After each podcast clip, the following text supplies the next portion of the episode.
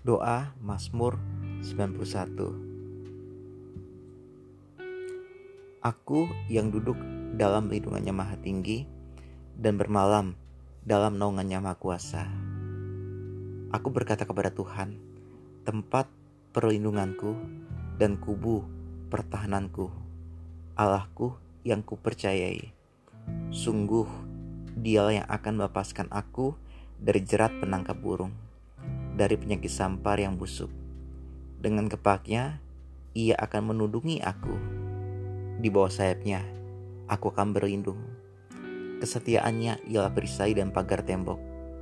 Aku tak usah takut terhadap kedahsyatan malam, terhadap panah yang terbang di waktu siang, terhadap penyakit sampar yang berjalan di dalam gelap, terhadap penyakit menular yang mengamuk di waktu petang.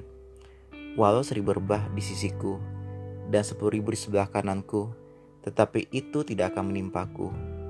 Aku hanya menontonnya dengan mataku sendiri dan melihat pembalasan terhadap orang-orang fasik. Sebab Tuhan ialah tempat perlindunganku. Yang maha tinggi telah kubuat tempat perteduhanku. Malapetaka tidak akan menimpa aku dan tulah tidak akan mendekat kepada kemahku.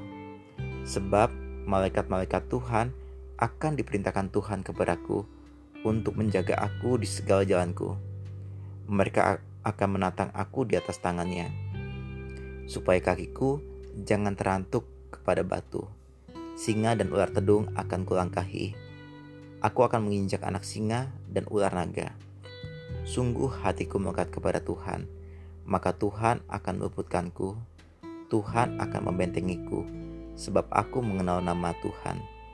Bila aku berseru, berseru kepada Tuhan, Tuhan akan menjawab.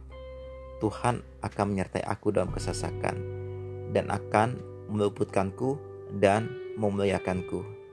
Dengan panjang umur akan Tuhan kenyangkan aku dan akan Tuhan perlihatkan kepadaku keselamatan daripada Tuhan.